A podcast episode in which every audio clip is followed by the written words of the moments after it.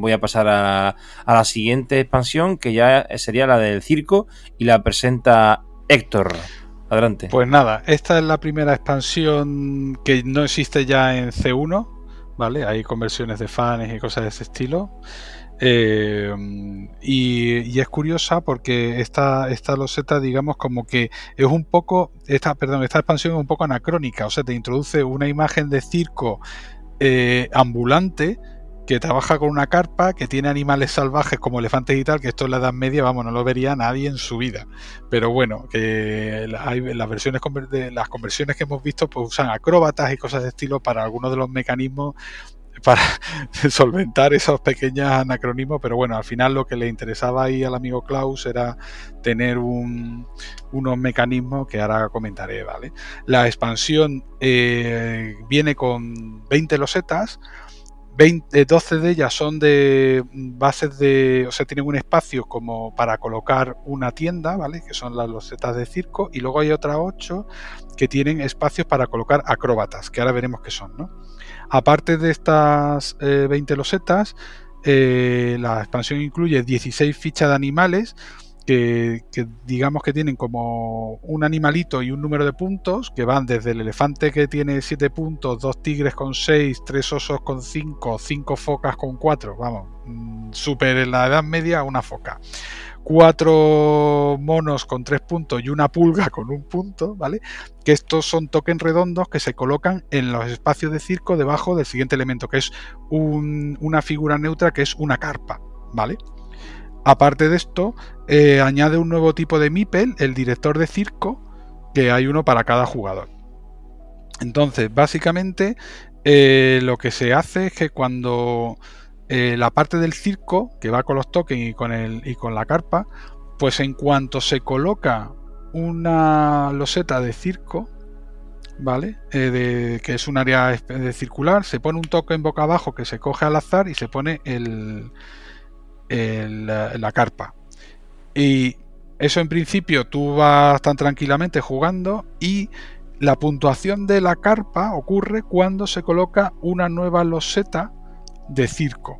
O sea que yo coloco una loseta de circo, entonces lo que hago es que eh, levanto la carpa, miro cuál es el token que hay ahí, pues imaginaos que es una, una pulga de un punto. Pues entonces cada mipel que haya en las en las ocho losetas alrededor del circo más la propia del circo, se llevarían un punto. Eh, si tengo, por ejemplo, imaginaos el elefante que tiene 7 puntos, pues cada mipel alrededor de la carpa se llevaría 7 puntos. Lo cual, obviamente, esto provoca que durante el juego todo el mundo empiece a amontonar mipels alrededor de la carpa para ver qué pasa ahí. Y caen puntos, vamos, como soles.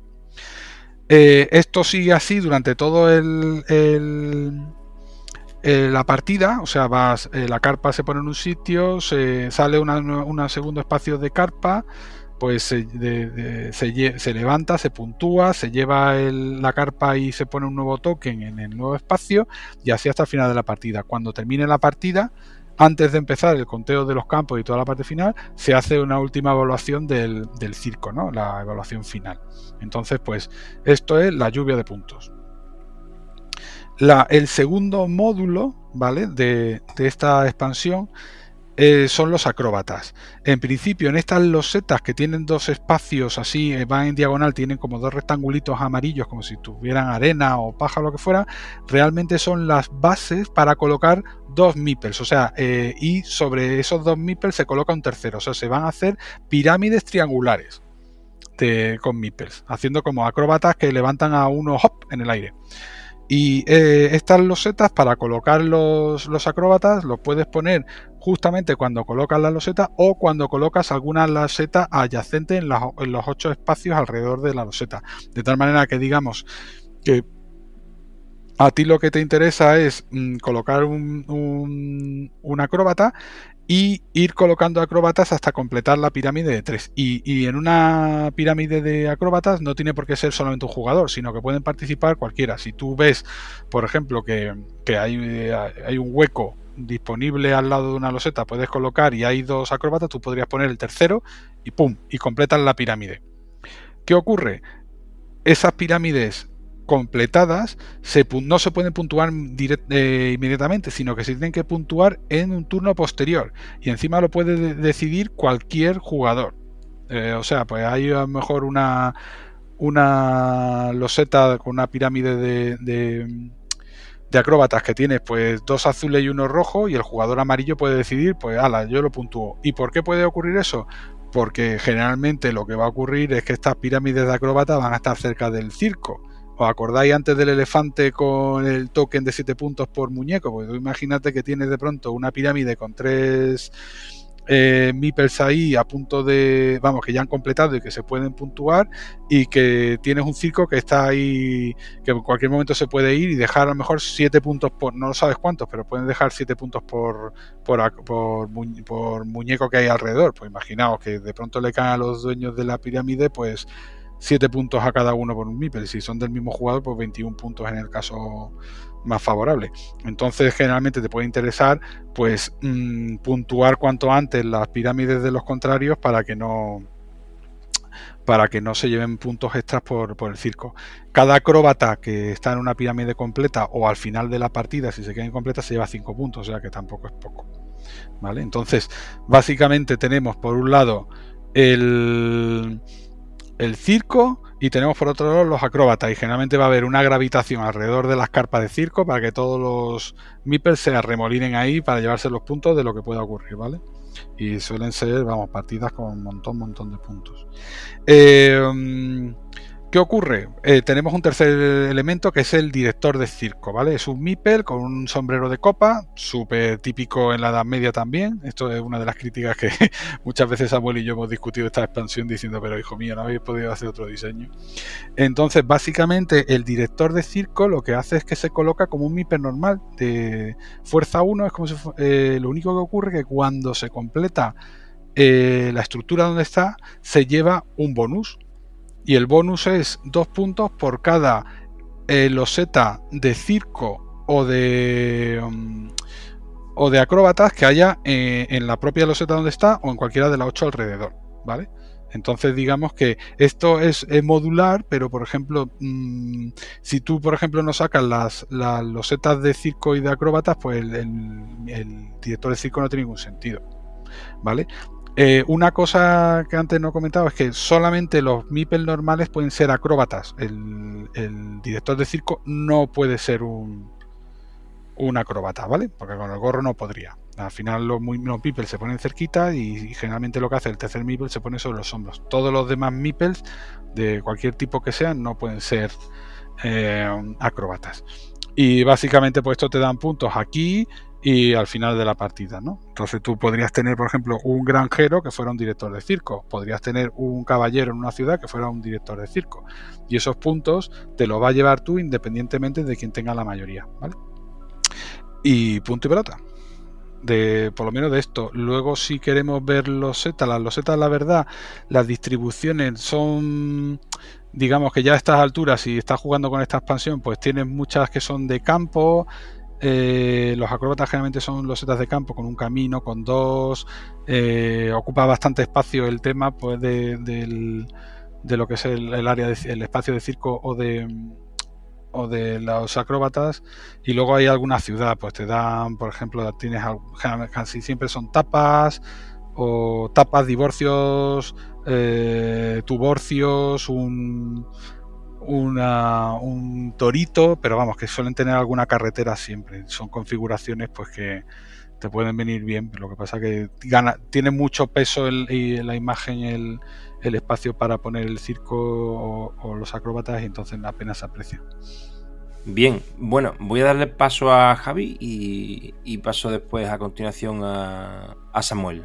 Así que Javi, Sí, bueno, a ver, en definitiva a mí esta expansión me ha parecido ya un poco rizar el rizo demasiado. No la veo como de las mejores porque pierdes un poquito la estrategia, yo creo. Como ha dicho Héctor, al final mm, al dar tantos, tantos puntos terminas poniendo Mipels por poner y a lo mejor terminas sacrificando Mipel por ponerlo al lado de un circo.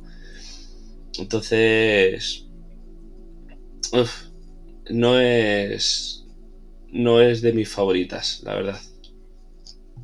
Sí que es verdad que lo que, lo que han comentado, yo no, nunca me había puesto a pensarlo, que está totalmente fuera de, la época. Eso sí es cierto. Me, ha hecho gracia cuando lo he escuchado. Pues sí, es verdad. Eh, quiero pasar a Samuel. Bueno, Samuel. Eh, bueno, eh, como bien se ha comentado, yo, yo recuerdo que con el tema de, de C2, que esta expansión ya digamos es propiamente de, C2. Eh, claro, eh, cuando se anunció que iba a haber una Big Expansion nueva y tal, después de Colinas y Ovejas, pues yo decía, ostras, pues no sé por dónde va a salir, porque ya tantas mecánicas y tanto de esto no, tenía ni idea.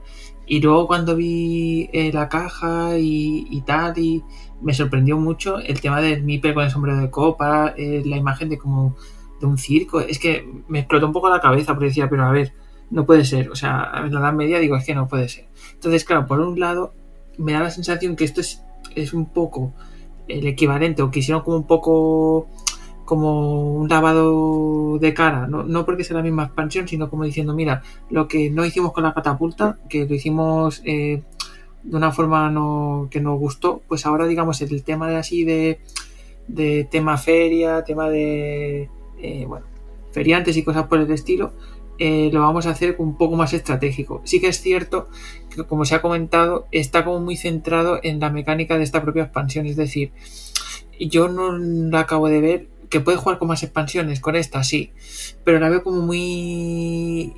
que es lo que decía Javier, que tiene como su estrategia muy centrada en, eh, en la propia expansión. Entonces, si tú quieres añadir otras cosas y tal, mm, yo creo que se desequilibra bastante. O sea, es decir, si juegas con esta expansión, eh, te vas a centrar en, hacer eh, movimientos y cosas que te favorezcan y tal, teniendo en cuenta, pues lo que decía el circo, ciertos elementos.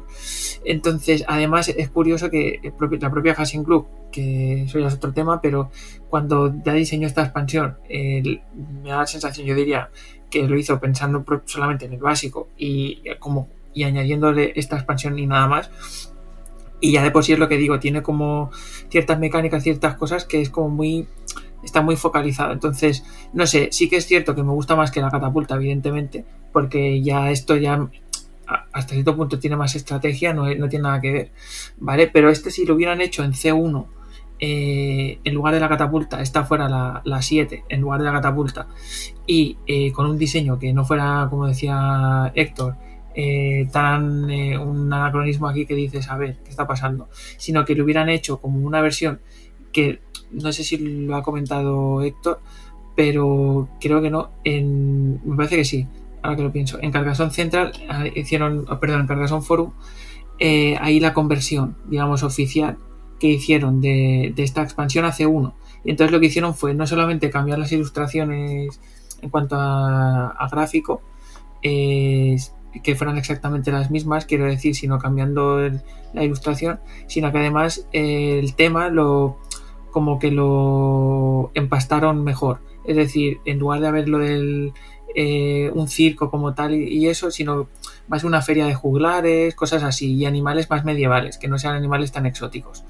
Entonces, eh, en ese sentido es como arreglar un poco ese tema, ¿vale? Pero bueno, yo, yo la tengo en C1 y con la conversión esa. Y la verdad es que es una expansión que si tienes que jugar, mm, juega solo con esa y un poco más, porque si no va a ser un poco, poco rollo, en mi opinión. Bien, bueno, pues va a cerrar Héctor, que fue quien comenzó, y adelante. Sí, solamente comentar que esta expansión todavía no se ha editado en España, ¿vale? De todavía no la, no, no la ha lanzado y de hecho parece ser que la expansión 6 sí tenían planes de decirlo o de hacerla eh, lo que comentaron en el David News hace un par de meses, pero esta no tiene todavía planes. Entonces, las copias que hay suelen ser pues o francesas o italianas, alemanas o lo que sea, Y los nombres pues varían bastante, no se llama la inglesa es Under the Big Top, que es bajo la carpa.